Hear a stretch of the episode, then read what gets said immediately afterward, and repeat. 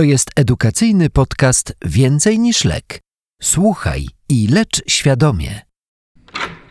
No, w końcu! Ileż można czekać? Y, Dzień dobry, bardzo mi przykro, że musiała pani dłużej czekać. Na co dzień nie mamy takich problemów. Niestety sezon grypowy, dwóch lekarzy na zwolnieniu, bardzo dużo pacjentów i do tego rano doszła awaria systemu informatycznego. Aha. Naprawdę robię co w mojej mocy, żeby wszystkim udzielić porady. P- Proszę jednak panią o odrobinę zrozumienia i No. wyrozumiałości. To dobrze, dobrze. Przepraszam, że się uniosłam. Jakoś zawsze tak trafiam, że wchodzę godzinę po planowanym czasie. Y, Rozumiem, nie przedłużając, co panią sprowadza? A, panie doktorze, czuję się fatalnie. Zawalona cała tu, o tu jestem. Y, W sensie w nosie, tak? No, no tak, smarkam takim, takimi zielonymi glutami. Oddychać nie mogę, głowa mnie boli, tu z przodu najbardziej. Y, Jak mocno boli panią ta głowa w skali od 1 do 10? To teraz e, nie jest najgorzej, może 3-4, ale mocno się nasila przy schylaniu i trwa już to tydzień. Początkowo było lepiej, już myślałam, że będzie dobrze. Nie chciałam panu gitary zawracać, ale od wczoraj znowu gorzej. Myślę, że to pora na antybiotyk. Doktorze, no nie mogę chodzić w takim stanie do pracy.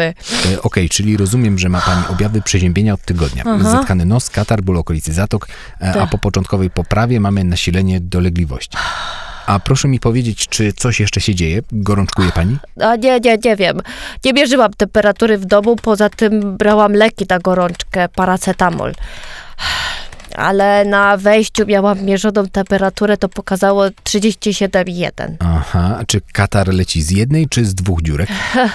Obie zatkane, muszę oddychać przez usta. Uzupełniając wywiad, pacjentka nie zgłaszała żadnych innych dolegliwości, nie choruje przewlekle, neguje czerwone flagi sugerujące poważne stany zagrożenia życia. W badaniu stan ogólny dobry, tkliwość palpacyjna zatok czołowych i szczękowych, śluzówki nosa obrzęknięte, na tylnej ścianie gardła śluzowo-ropna wydzielina. Poza tym w ogólnym badaniu lekarskim bez innych istotnych odchyleń.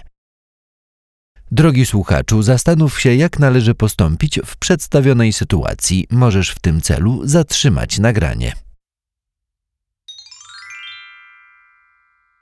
No i co? Mamy pacjentkę, jakich setki, a może nawet tysiące. Zgłaszają się każdego dnia do lekarzy pierwszego kontaktu.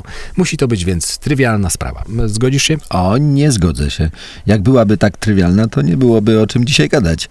Temat co najmniej jest mocno zagmatwany. To co, dajemy jej antybiotyk czy nie? Y, Masz rację, zagmatwana sprawa. Czy dajemy antybiotyk? Najpierw pogadajmy. Może uda nam się dojść do czegoś sensownego i odpowiedzieć na to pytanie. No okej. To jedziemy. Zapalenie zatok przynosowych to stan zapalny obejmujący błonę śluzową zatok przynosowych i zwykle również nosa. Dlatego często spotkasz się z pojęciem zapalenie błony śluzowej zatok i nosa. Po angielsku rhinosinusitis. Zwracając uwagę na to, że błona śluzowa zatok łączy się w sposób ciągły z jamą nosa i stanowią z nią razem w pewnym sensie anatomiczną całość. Czyli masz na myśli to, że takie na przykład rajnowirusy raczej nie powiedzą Ej, dotarliśmy do Zatoki Szczękowej, dalej nie wchodzimy, zostajemy w nosie. W ujęciu ogólnym zapalenie zatok podejrzewamy, gdy mamy do czynienia z niedrożnością nosa, wyciekiem z nosa, bólem lub uczuciem rozpierania twarzy w okolicy zatok czy upośledzeniem węchu. Zwraca się uwagę, że spływająca po tylnej ścianie gardła wydzielina może powodować kaszel, szczególnie u dzieci.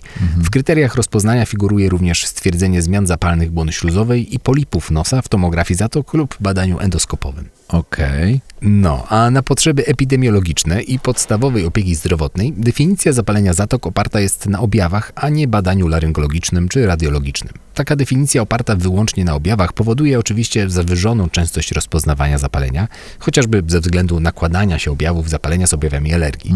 Ciężko byłoby jednak wszystkim ludziom z katarem robić tak zaawansowaną diagnostykę. No, szczególnie, że byłoby to wręcz niepotrzebne, a nawet szkodliwe. No, zgadza się. Czyli to było ogólnie o zapaleniu zatok. Rozumiem, że teraz powiemy sobie o tym, czym różni się zapalenie ostre od przewlekłego. E, Dobry pomysł. Każdego roku od kilku do kilkunastu procent społeczeństwa przechodzi ostre zapalenie zatok. E, ostre. Czyli takie, które trwa poniżej 12 tygodni. Dobrze pamiętam? Dobrze. Jest to jedna z najczęstszych przyczyn zgłaszania się do lekarza i przepisywania antybiotyków. Mimo, że w przeważającej większości ostre zapalenie zatok spowodowane jest samoograniczającą się infekcją wirusową. Wirusy najpierw doprowadzają do uszkodzenia nabłonka rzęskowego, uwolnienia cytokin prozapalnych i obrzęku błony śluzowej. Nazywamy wtedy taki stan ostrym wirusowym zapaleniem zatok. Ostre wirusowe zapalenie zatok, albo bardziej po ludzku przeziębienie. Mam rację? Mhm. Powodowane przez e, rajnowirusy, adenowirusy, koronawirusy. Dodałbym jeszcze wirusa grypy i paragrypy. Klinicznie takie zapalenie objawia się obrzękiem śluzówki nosa i zatok obocznych, co powoduje niedrożność nosa, a następnie obfity wyciek surowiczy powodujący kaszel. U części chorych zmiany stopniowo samoistnie ustępują. Zwykle nie trwa to dłużej niż 10 dni. U innych zapalenie przejdzie w fazę powirusową, a u niewielkiego odsetka, nie przekraczającego 2%, będziemy mieli do czynienia z nadkażeniem bakteryjnym. Tutaj czuję, że musimy wejść w temat głębiej. E, O co chodzi z tym zapaleniem powirusowym i nadkażeniem bakteryjnym? Nie rozumiem tego. Powirusowe to nie znaczy właśnie, że po wirusach wchodzą bakterie? Y, Nie, powirusowe ostre zapalenie zatok zgodnie z definicją to takie wirusowe zapalenie, które uległo nasileniu po okresie 5 dni lub nie przechodzi po 10. Okej. Powirusowe OZZ nie jest spowodowane infekcją bakteryjną, a nadmierną odpowiedzią zapalną na zakażenie wirusowe. Klinicznie objawia się mniej lub bardziej nasilonym gęstym wyciekiem śluzowym i śluzoworopnym i przewlekającym się kaszlem. No, obecność śluzoworopnego wycieku nie jest oczywiście objawem zakażenia bakteryjnego. Tak, weź to teraz wytłumacz pacjentowi, który przychodzi i mówi, że ropa mu leci z nosa. No, żeby to wytłumaczyć pacjentowi, musisz sam ten temat dobrze rozumieć. Tak w ogóle to kilka lat temu w wytycznych EPOS, czyli takich ważnych europejskich wytycznych dotyczących zapalenia zatok i polipów, wprowadzono w tym miejscu termin niewirusowe, ostre zapalenie zatok, ale prowadziło to do jeszcze większych nieporozumień i zostało zastąpione właśnie powirusowym. W niektórych źródłach możesz jeszcze spotkać się z tym pojęciem. Świetnie. Czyli nasza pacjentka miała zakażenie powirusowe. Dobrze myślę? E, Tak, myślę, że też postawiłbym takie rozpoznanie, ponieważ spełniała wszystkie jego kryteria. No i pozostaje nam kwestia nadkażenia bakteryjnego, które może pojawić się w zapaleniu wirusowym, jak i powirusowym, jednak, tak jak mówiłem, zdarza się naprawdę rzadko. Co oznacza, że zbyt często wdrażamy terapię antybiotykami. No niestety. Należy pamiętać, że infekcję bakteryjną najczęściej wywołują hemofilus influenzae i streptococcus pneumoniae. Na takie zakażenie wskazuje nasilenie lub nawrót dolegliwości po wstępnej kilkudniowej, łagodniejszej fazie choroby. To podobnie jak w powirusowym. Tak, ale to nie wszystko. Do tego gorączka powyżej 38 stopni, jednostronny wyciek z nosa, zmiana koloru wydzieliny, silny ból, podwyższone CRP czy OB. Do rozpoznania infekcji bakteryjnej upoważniającej nas do wdrożenia antybiotykoterapii w ostrym zapaleniu zatok powinny być spełnione co najmniej trzy z wymienionych. Mm, Co najmniej trzy. Okej. Podsumowując, No. ostre zapalenie to takie, które trwa krócej niż 12 tygodni. Najczęściej jest to łagodne wirusowe zapalenie trwające około tydzień, jednak nadmierna reakcja zapalna może spowodować zapalenie powirusowe lub może dojść do nadkażenia bakteryjnego. No, lepiej bym tego nie ujął. W kontekście nasilenia dolegliwości musimy jeszcze powiedzieć o powikłaniach zagrażających życiu, wymagających jak najszybszej hospitalizacji i agresywnego leczenia oraz związanych z nimi czerwonymi flagami, które mogą cię na nie naprowadzić. Jasne, no zamieniam się w słuch. E, Tak więc bardzo groźnym powikłaniem wikłającym zapalenie zatok jest zapalenie tkanek miękkich oczodołu, najczęściej wtórne do zakażenia zatoki sitowej, co wiąże się z bliskością anatomiczną oczodołu. Występuje typowo u dzieci i młodych dorosłych. Jest to stan zagrażający utratą wzroku, a nawet życia. Okej. Co jest w takim razie czerwoną flagą nakierowującą na zapalenie tkanek oczodołu? No, no, jeśli u pacjenta z zapaleniem zatok widzisz obrzęknięte powieki, czerwone jak ogień, to wiedz, że coś tam się mocno burzy. Jeśli pacjent z zapaleniem zatok zgłasza podwójne widzenie, problemy z ruchomością gałki ocznej czy pogorszenie wzroku, wiedz, że coś się dzieje. No, bardzo śmieszne. Innym groźnym powikłaniem jest guspota, czyli zapalenie tkanek miękkich okolicy czołowej, jako powikłanie zapalenia zatok czołowych. Dochodzi wtedy do zapalenia szpigu kostnego kości czołowej, co może dalej szerzyć się w kierunku ośrodkowego układu nerwowego i spowodować ropień mózgu. Także tutaj czerwoną flagą będzie obrzęk tkanek miękkich okolicy czołowej. No, a jak zakażenie się szerzy na cały organizm lub właśnie w kierunku ośrodkowego układu nerwowego, no to może dojść do sepsy, zapalenia opon mózgowo-rdzeniowych czy rzeczonego ropnia mózgu. Mhm, więc mogę mieć wtedy zaburzenia świadomości, ogniskowe objawy neurologiczne i oponowe oraz objawy sepsy. No dokładnie. Okej, czyli to są czerwone flagi i wtedy muszę pilnie skierować pacjenta do szpitala. No, powiedziałbym nawet, że natychmiast. Aby wcześniej rozpoznawać potencjalne powikłania, należy je znać i mieć z tyłu czerwone flagi. A czy przyjmowanie rutynowo antybiotyków przy przeziębieniu nie zapobiegałoby tym powikłaniom? Nie, no stary, jasne, że nie. Badania wykazały, że rutynowa antybiotykoterapia w trakcie leczenia ostrego zapalenia zatok przynosowych nie zapobiega ich występowaniu. U prawie wszystkich pacjentów leczenie powinno być objawowe, a w razie potrzeby połączone ze stosowaniem sterydów donosowo.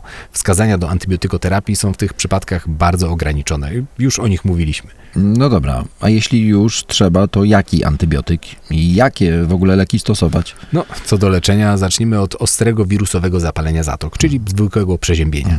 Jest to de facto stan, w którym medycyna ma niewiele do powiedzenia. Naszą rolą jest uświadamiać pacjentów o tym fakcie, a dodatkowo promować zdrowy styl życia i aktywność fizyczną, bo zwiększają odporność i prawdopodobnie zmniejszają ryzyko zachorowania. Co do leków i specyfików, większość preparatów albo działa jedynie objawowo, łagodząc dolegliwości, albo w ogóle nie wykazano, żeby jakkolwiek skracały czas trwania zakażenia wirusowego. No i jak wiesz, nie ma skutecznego leku ani szczepionki na przeziębienie. A już na pewno złym pomysłem jest przepisanie antybiotyku. Totalnie. Wirusów wywołujących przeziębienie jest po prostu za dużo. Można więc jedynie zasugerować leczenie objawowe. Stosowanie leków przeciwbólowych i przeciwzapalnych, takich jak ibuprofen, ewentualnie leków ziołowych i pukania nosa, z zaznaczeniem, że raczej nie skrócą one czasu trwania dolegliwości. Możesz zalecić też stosowanie sprayów do nosa obkurczających naczynia. Tylko nie za długo, nie dłużej niż 5-7 dni, bo potem błona śluzowa nosa przestaje reagować na leki, pacjent nie pozbędzie się uczucia zatkanego nosa. Y, Tak, racja. Fajnie, że o tym pamiętasz, Paweł. Dzięki. E, No i zaleć zgłoszenie się do lekarza w przypadku rozwinięcia objawów powirusowego zapalenia zatok, nadkażenia bakteryjnego bądź pojawienia się czerwonych flag. A co z tymi sterydami miejscowo? No, w ostrym zapaleniu wirusowym nie są zalecane, jednak w zapaleniu powirusowym już się je zaleca. Łagodzą objawy, chociaż też cudów nie zdziałają. Jednak nic więcej na tym etapie nie zrobisz. No dobra, a w przypadku nadkażenia bakteryjnego, No. jaki antybiotyk? No domyślam się, że amoksycylina. No, dobrze kminisz. Daj amoksycylinę w dużych dawkach. U dorosłych do 4 gramów na dobę w dwóch dawkach podzielonych. U dzieci poniżej 40 kg 75 do 90 mg na kilogram na dobę w dwóch dawkach podzielonych. Super. Pozostaje nam kwestia pokierowania do specjalisty.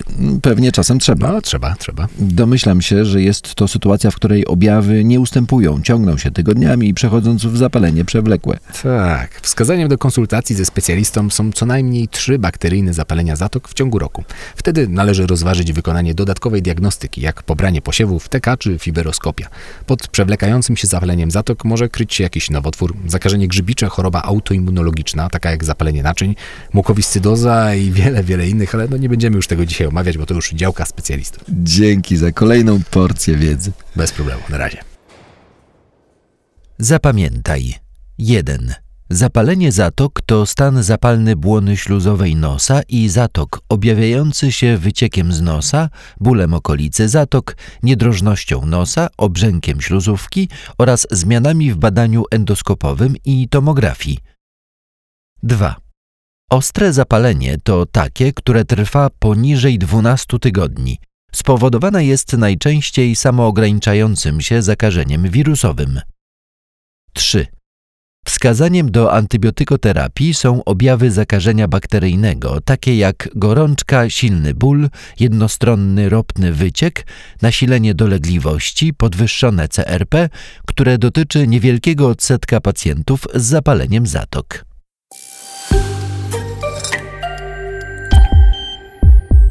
Więcej niż lek. Medyczny portal edukacyjny.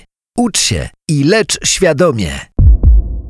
Uwaga! Podcasty Więcej niż lek są tworzone na podstawie literatury, wytycznych, złotych standardów i doświadczeń klinicznych aktualnych na czas powstawania scenariusza podcastu.